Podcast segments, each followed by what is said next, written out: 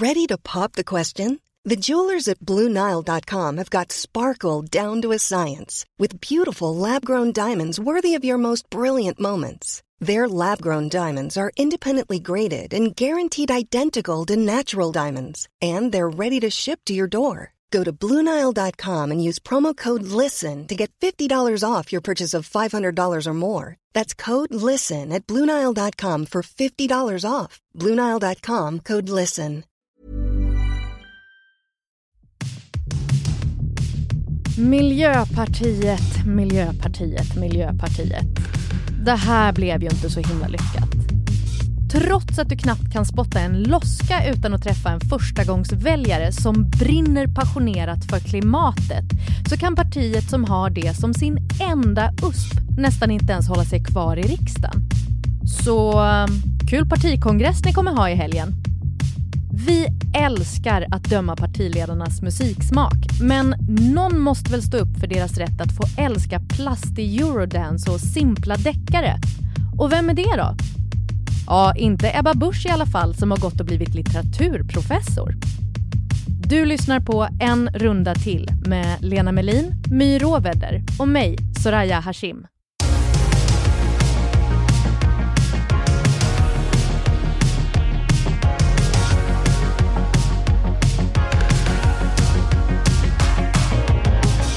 Hallå My och Lena, varmt välkomna tillbaka. Tack. Tack.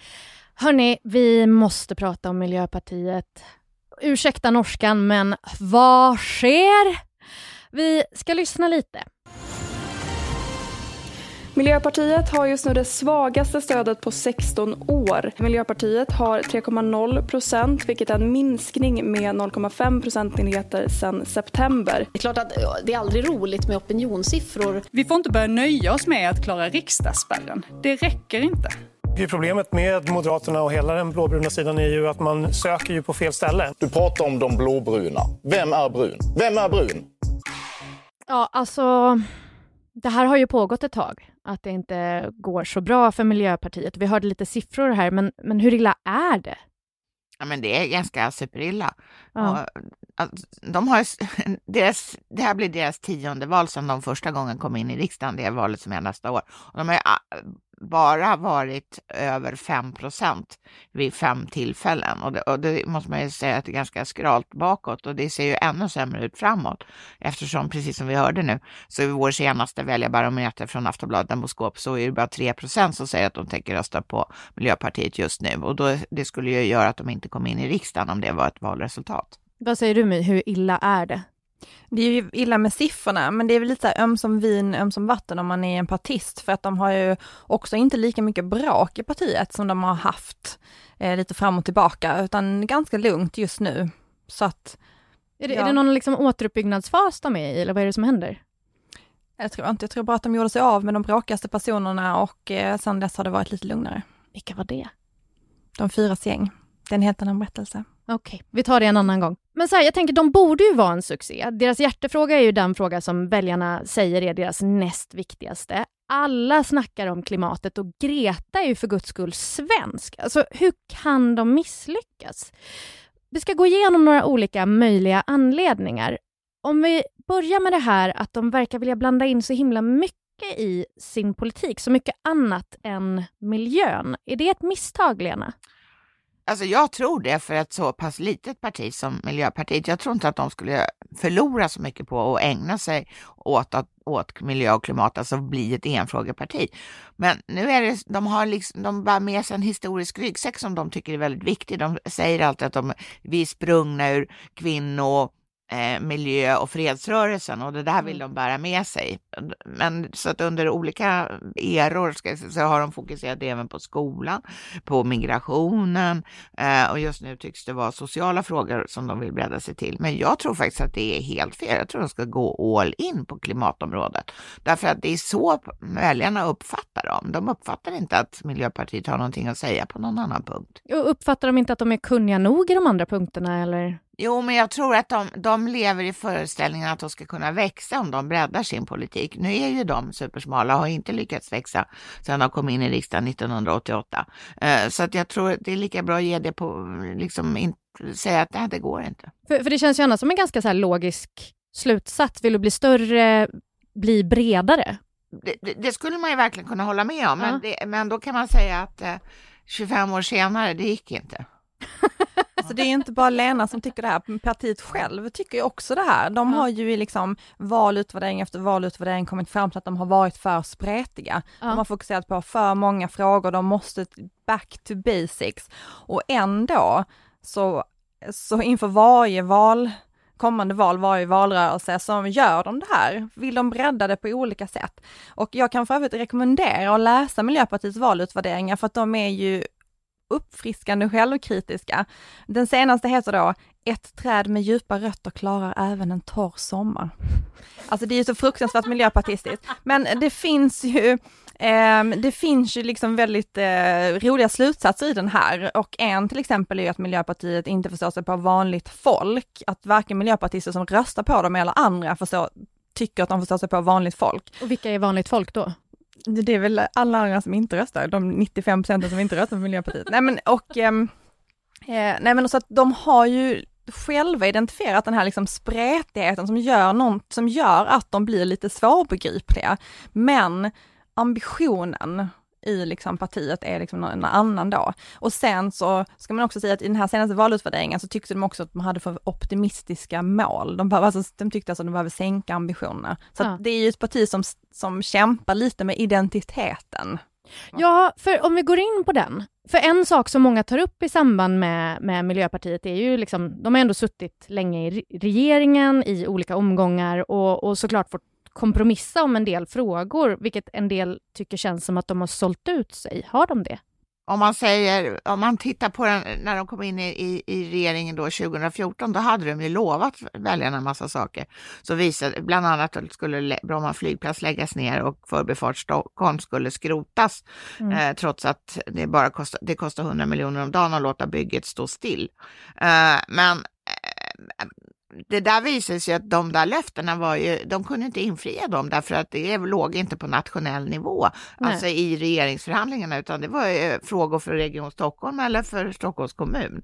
Och det, det gjorde att de hamnade lite i dålig dager redan från start som ett regeringsparti, utan, eh, som om ja, de var svikare och då svarade de så att säga på det genom att säga, ja men vi har ju ändå fått till ett klimatpolitiskt ramverk. Men, men eh, jag tänker på nationell nivå, för vi har ju varit inne på det här förut med migrationen, när de var tvungna att, att ge med sig för att eh, begränsa eh, hur många som kunde komma till Sverige. Den tänker jag ändå måste ju varit en, en jättestor smäll, eller? Jag frågade faktiskt Per Bolund som jag träffade häromdagen om vilket som hade varit hans jobbigaste beslut att vara med och ta ja. under eh, den här mandatperioden.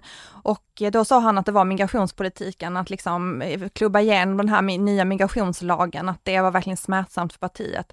För att de har ju alltid haft två frågor, precis som Lena säger, det här med att man har någon slags ursprung i fredsrörelsen, så har det ju mynnat ut i att man har drivit migrationspolitiken. Mm. Och där har ju funnits en diskussion i partiet, liksom, vilken, är det klimatet och miljön eller migrationspolitiken? Liksom, hur har balansen sett ut mellan de två, vilket har varit viktigast? Miljöpartiet själva har ju hjälpt till att förstärka den här bilden av att de har haft jobbiga kompromisser att göra genom att de internt liksom har haft någon slags konflikt mellan partiet och partiet i regering. Mm. Att liksom reger, partiet i regeringen har gjort kompromisser och sen har partiet kritiserat dem hårt för kompromisser de har gjort. Det har liksom förstärkt det här att det är ett parti som gör kompromisser som partiet självt tycker är väldigt, väldigt jobbiga. Det var ju flera, alltså första mandatperioden var ju flera saker där, värdlandsavtalet med NATO och eh, man beslutade om licensjakt av varg, alltså sådana här frågor som liksom miljöpartister som inte sitter i regeringen verkligen så här tyckt var fruktansvärt jobbiga att partiet har tagit beslut om. Det låter ju som att de har identitetsproblem, liksom. men har de även ett imageproblem? De har ändå gått från någon slags så här sambatåg utanför riksdagen som ju var jag vet inte, rebelliskt eller töntigt beroende på hur man ser det, men någonting var det i alla fall. Det var nytt. Det var nytt.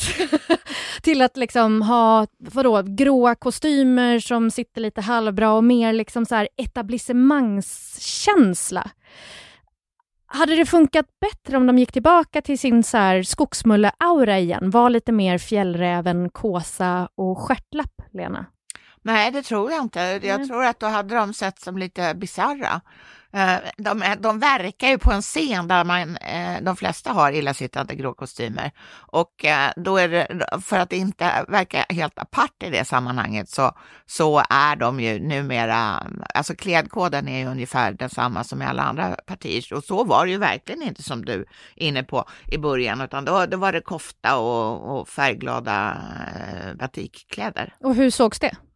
Nej, det sågs ju som lite underligt och, och talmannen på den tiden, som jag inte kommer ihåg vem det var, men den, denna person eh, meddelade i alla fall att man fick inte se ut hur som helst i riksdagens kammare och koftan skulle vara snygg och dubbelknäppt. Mm.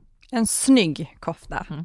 Men vadå, fick de liksom en tillsägelse på riktigt för att Ja. de var för sjavigt klädda? Ja, tonen i riksdagen är ofta väldigt, väldigt mild, så att jag skulle, men det var i verkligheten en tillsägelse, fast i mycket milda ordalag, Det- men det gick ändå fram. Och då skärpte de sig och då blev det kostymer.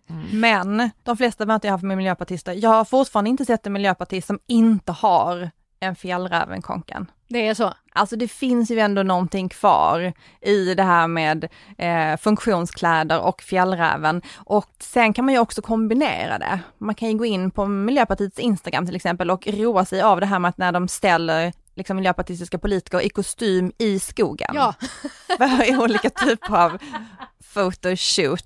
jag Det såg även på... andra politiker som står i kostym i skogen. Så att jag menar man kan ju ha ehm, lite av varje, både äta kakan och ha den kvar. Men, men visst har de haft någon slags här rebellisk underton tidigare?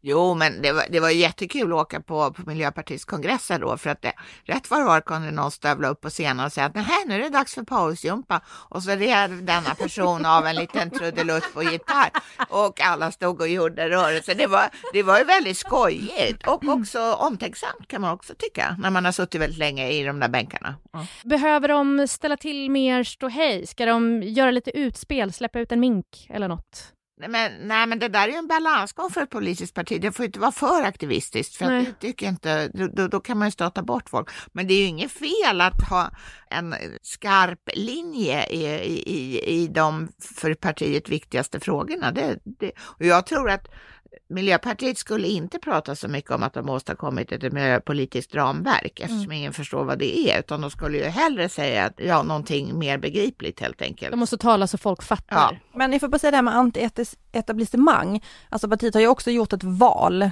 De har ju valt att man vill ingå i etablissemanget. De har ju valt att liksom kämpa för att få makt, att sitta i regeringsställning. Det är ju inte bara nu, alltså det har ju pågått i liksom, ja, minst 20 år.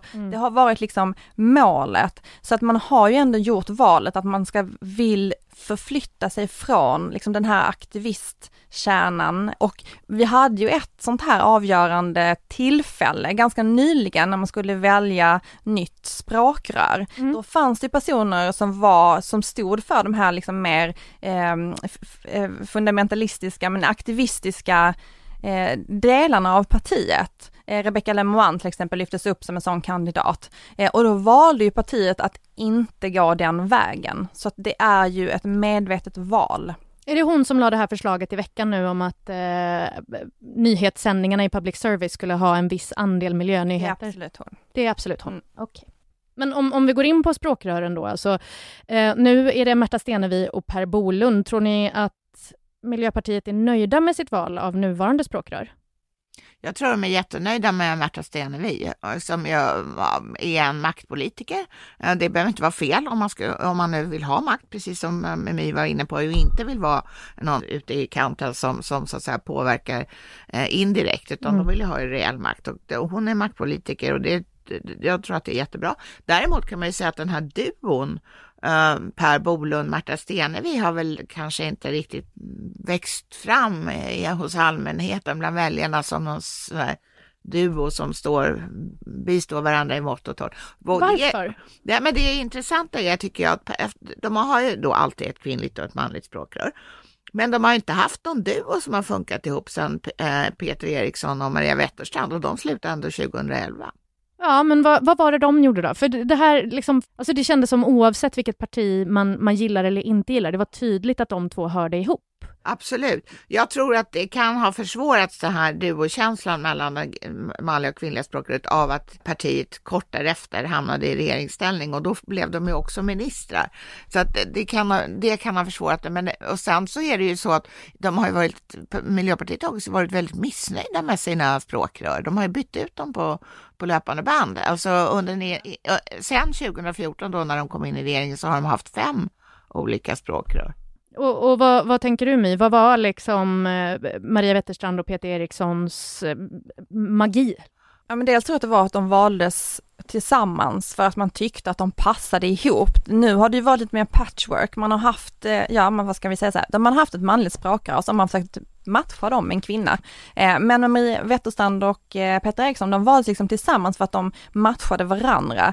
Det här är väl också så här, alla partier har ju någon sån här gyllene era som alla drömmer om att återskapa och det där är väl liksom Miljöpartiets gyllene era som de drömmer om, liksom, om det kan bli lika bra, om, om man kan, Marie Wetterstrand hon hade ju också väldigt högt förtroende bland partiledarna och det har de ju inte haft nu, de är ju liksom nästan alltid längst ner. Det skulle vara liksom Liberalerna som Ja, de, där är det ju ännu under. sämre. Ja. Så ja. sen Nyamko Sabuni blev partiledare så har det blivit bättre för då har de ändå kickat upp ett snäpp men de har ju alltid liksom legat i botten annars, de här nya spakarna. Men hörni, det är ju mindre än ett år kvar till valet. Om, om ni två fick chansen att sätta er ner med Miljöpartiets ledning, ta dem i handen och, och titta dem djupt i ögonen. Vilka tre saker skulle ni säga att de behöver göra för att vända på skeppet? Om ni bara tänker så här, tre snabba, vad är de grejerna? Alltså jag tror inte jag hade kunnat hjälpa dem. Alltså det är så här, det, det, det sveper liksom en klimatvåg över världen med liksom så Greta i spetsen och de lyckas inte fånga upp det överhuvudtaget. Alltså jag vet liksom inte, jag är ju inte strateg, jag vet liksom inte var i det man inte lyckas Eh, haka på tåget. Och sen så den här veckan, nu har de ju kongress i helgen och den här veckan så börjar de ju med att presentera den här klimatfärdplanen eh, i måndags och det var liksom en 30 minuter lång vetenskaplig föreläsning om eh, utsläpp och hur man kan förändra det. Och Ja, så vad, vad, vad, säger man till det? De har gjort sitt val av Är det rest de in peace? Alltså, är det rest in peace Miljöpartiet? Nej, inte rest in peace, de kommer ju finnas kvar men, men um, ja, jag vet inte, jag har, jag har inga råd som skulle kunna rädda dem. Vad säger du Lena? Jag säger foka på miljöpolitiken och klimatpolitiken. Kör det stenhårt. Säg att alla andra partier har, är för mesiga. De gör inte tillräckligt. Katastrofen är över oss om vi inte gör som, som vi tycker, vi Miljöpartiet. Sen så ska, måste de ta bort sin von oben-attityd av den här akademiska eh, stilen som eh, flera språkrör har haft, där de liksom typ snäser av vanligt folk därför att de inte har, eh, de där 95 procenten då som inte röstar på Miljöpartiet, som inte har förstått eh, hur kolvätena är uppbyggda. Alla som inte har Nobelpris i, Nej, i liksom sen det, miljö. Sen det tredje som de måste sluta med, det är att reta upp folk utanför Stockholm. Det, alltså, man kan det, det är många som bor här, men alla bor inte här.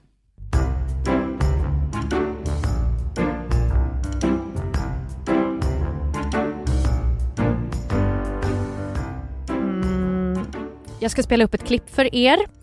Eh, vet ni vad det här är för någonting? Nu ska vi testa lite dina litterära kunskaper. Oh. Vem har skrivit eh, Gösta Berlings saga? Det står faktiskt helt still. Giftas? Nej, vi... Eh, ja du, vi är inte på Hjalmar Söderberg. Gentlemen? Ingen av de här tre har jag läst. Jag tror att jag får lov att lägga på de här på min egen, egen lista.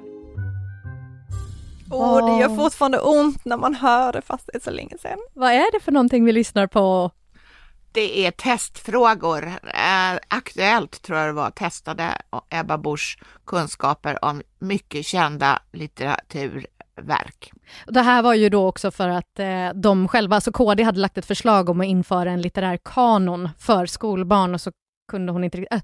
Skamsköljningen för mig handlar så himla mycket om att jag tänker att Aktuellt-studion har liksom stått där och tänkt nu ska vi lätta upp stämningen, nu blir det kul. Och det blev inte det.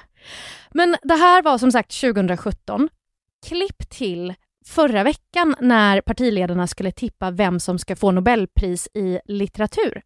Då skrev Ebba Busch så här till SVT. Jamaica Kincaid skildrar mellanmänskliga relationer, värjer sig inte för det smutsiga och trasiga utan bara skär rakt igenom vardagen, livet med all trasighet, sårbarhet, mörker och ljus som den bär med sig. Kvar står läsaren med en enkel och rak text. Kincaid har blottlagt själva livet. Hon gör det gång på gång. Hon är så fruktansvärt koncis och precis i sina beskrivningar. Djupt mänskliga insikter lyckas hon presentera i sina romaner. Man får ju ge henne att hon har gjort en eh, rejäl resa i litterär analys på bara några år. Verkligen. Mm. Hur tror ni det här gick till? Hon hade kanske lite mer tid att förbereda sig den här gången och var väldigt noga med att förbereda sig mycket, mycket väl. Ja. Eller ringde sin kompis litteraturvetare och sa skriv ihop något snabbt. Kan vara så, vi vet inte. Eh, men hon är ju inte den enda politikern som vill bygga bilden av sig själv med vilken kultur de konsumerar, eller i alla fall påstår sig konsumera. Om vi tar Stefan Löfven. Jag har förstått att han älskar Ulf Lundell och han gav Glenmark Eriksson Strömstedts konsert på Cirkus 5 vad, vad säger hans smak om honom? Men han är en allätare när det gäller kultur. Alltså, han är ju på riktigt kulturintresserad. Han och hans fru eh, är stora kulturkonsumenter och det verkar ju handla om allting från ABBA till, till, eh, till svåra tegelstensromaner. Men är hans, är hans kärlek till Ulf äkta? Det tror jag absolut. Det finns ju en Ulf Lundell dokumentär där Stefan Löfven är med och pratar om Ulf Lundell, bara baserat på hans kärlek till Ulf Lundell. eh, och det är ju så här, jag ska inte gå in för djupt på vad jag tänker om människor som älskar allt Ulf Lundell gör. Jag är ju själv, själv tycker väldigt mycket om att läsa vardagar eftersom jag själv kommer från Österlen och att det skildrar liksom en miljö som jag tycker väldigt mycket om. Eh, men eh, Stefan Löfven tycker ju om både hans konst, säga vad man vill om den, eh, och hans musik finns också många som tycker om. Eh, och hans litteratur, han har läst Jack. Eh, jag vet inte om han sa att han har läst det fem gånger, men han, liksom under sin ungdom så läste han Jack om och om igen. Det var liksom hans eh, väg in i vuxenlivet på något sätt. Så att, eh, nej men den är ju superäkta. Jag tänker att det som det säger om honom är att han är en svensk medelålders man. Ja, ja, alltså att han kanske liksom... Det är väl liksom beskrivningen av en sån person, att de älskar Ulf Lundell. Och som jättemånga då kan identifiera sig med också, tänker mm. jag. Ulf Kristersson då, han har sagt att han gillar Kent, Marit Bergman och Henrik Berggren från Broder Daniel. Spontant känner jag kanske inte att det låter som supermoderat musik, eller? Nej, men det Kent tror jag beror på att han är född i Torshälla som numera är en del av Eskilstuna kommun. Just det. Mm. Ja, men man måste ju ge det till Ulf Kristersson att han har ju upptäckt musik i mer vuxen ålder. Mm. För att alltså allt det här är ju 90-talsmusik så att då var han ju 30 plus. Så jag tänker så här, all den här musiken som jag själv känner igen att jag upptäckte som tonåring, den har han ju då upptäckt som 32-åring. Ja just det, vad gjorde han innan? Ja, man vet ju inte, man vill ju fråga honom så här, vad tyckte du om innan du upptäckte Kent, innan Kent kom? vad, vad tyckte du om då, när du var 25. Smurfigt. kanske har lyssnat på Bachs oratorier. Säkert. Ja. Suttit där och dirigerat. Men måste deras smak passa ihop med deras politik? Om vi tar Ebba Busch som exempel igen. Nyligen kom det ut ett klipp när hon sitter i en bil med influencern Margot Ditz och rappar till hovet. Vem är det hon försöker vara då? För det är uppenbart att det här kommer komma ut på Margot Ditz eh, Youtube-kanal. Eh, lite ball i alla fall. Den balla smaken då, är det hennes eller är det någonting för att försöka få unga väljare? Min uppfattning om Ebba Busch, jag vet ju faktiskt inte alls vad hon lyssnar på musik, är inte att hon går hem med dånande rapmusik i, i högtalarna. Det finns ju ett klipp också som jag sett någon gång när hon är med i, vad heter det, Så ska det låta och rappar hela, en hel Timbuktu-låt.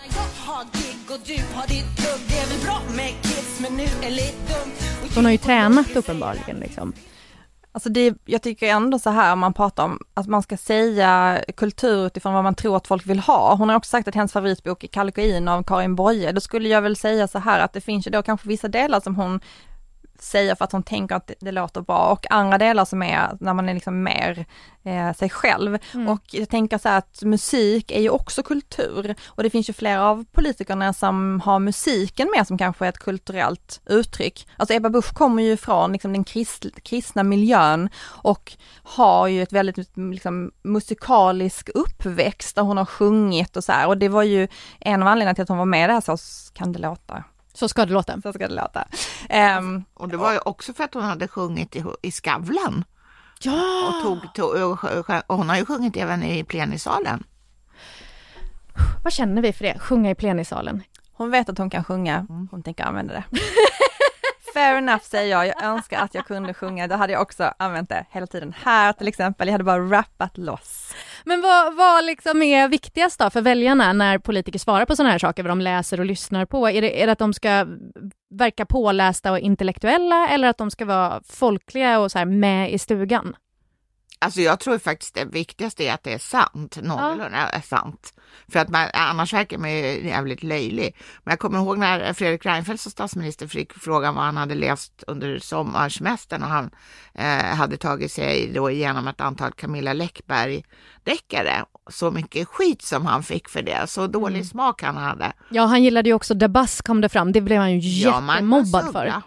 Vad sa du? Och Magnus Uggla. Och Magnus Uggla. Ja men alltså så här, är det fel då? Kan han inte få gilla Nej, men Jag tycker inte alls att det är fel om han, han hade ett jättestressigt jobb om han ville sitta och halvsova med Camilla Läckberg i, i, i, Famnen. i knät så tycker jag att det var honom väl unt.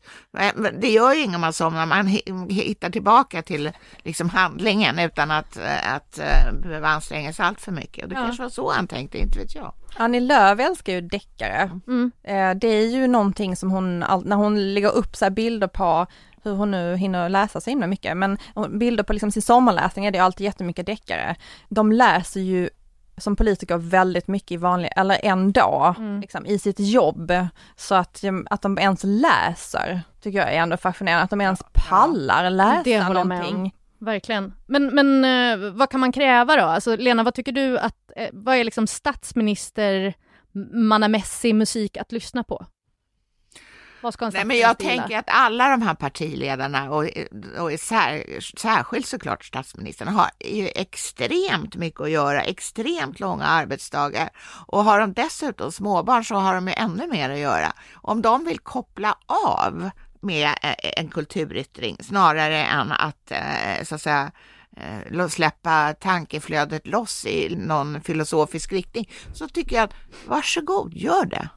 Och du då My, vad säger du? Vad ska en statsminister läsa? Ja men jag tycker samma sak, en statsminister ska väl läsa vad en statsminister vill. Alltså lite så här, alltså är man småbarnsförälder så tycker jag att man ska unna sig att inte läsa alls jag utgår helt från mig själv. Eh, nej men alltså att det är så här, man måste ju inte leverera på kulturen när man har, alltså för att man är politiker egentligen. Det har alltid fascinerat mig, varför de ändå försöker och varför man frågar dem så här, vad är ditt boktips? Vad läser du? Tippa liksom en nobelpristagare i litteratur, ja men varför ska de göra det egentligen? Varför ska man ha ett boktips? För att Ja men det är inte det de sysslar med och jag kan tänka, absolut om man är kulturminister, Amanda Lind måste ju titta på jättemycket fotboll för att hon är idrottsminister. Ja men det kanske finns en anledning då att hon man gör det. Hon måste visa någonstans att hon kan mer än att lyssna på sin mans didgeridoo-spelande liksom. E exakt, ja. hon har ju kulturen i sin familj på det sättet att hon har en kulturutövande make. Är man en person mitt i livet som Stefan Löfven som, som Lena pratar om här, som har, gett, som har tid liksom att lägga på kultur, det är väl underbart, låt dem göra det, låt honom få smyga iväg på någon eh, GES-konsert och njuta av det. Men vänta nu, jag tänker så här, jag kan ju inte vara den enda människan som går in i en persons hem och det första jag tittar på är vad de har för böcker i sin hylla eller eh, smygkollar i deras liksom, CD-hylla när det fanns. Alltså, kulturen en människa konsumerar säger väl någonting om vem den är, eller? Ja, fast man är ju inte alltid, man har väl inte alltid samma konsumtion, kulturkonsumtion. Man har ju, den varierar ju över, över tid. Ibland är man jätteintresserad av, av någonting och ibland är man jätteintresserad av något annat. Jag har sparat mina CD-skivor, jag vet inte riktigt varför, så du är välkommen om att titta på mina och komma med någon, någon omdöme. ja, en men, profilering av Lene utifrån hennes ja. CDs. ja men som nu liksom Lars Noréns eh, alla ägor eh, auktioneras ut nu på eh, eh Bukowskis CD va? Och, och en av de populäraste grejerna är hans CD-samling. För att det säger någonting. Eh, att ha samlingen han har kurerat eller att, att veta så här, och din favoritlåt, eh, herr minister eller fru minister, är den här grejen. Det säger någonting om ditt djup. Och då när Reinfeldt säger dabas, så blir det plötsligt liksom inte så himla mycket djup. Jag, jag kanske bara är en snobb, är det det? Ja. Okay. Jag tror faktiskt också att det är det. det. Vi är helt eniga här på den här sidan bordet om det. Okej, okay, tack för att ni var här. Vi ses aldrig igen. tack så jättemycket My och Lena för idag. Aftonbladets politikpodd En runda till är slut för den här gången. Tack för att ni lyssnar. Vi som har gjort programmet idag är producent Olivia Svensson experter Lena Melin och My Råväder. Och jag heter Soraya Hashim. Vi är tillbaka nästa torsdag igen. Ta hand om er. Vi hörs.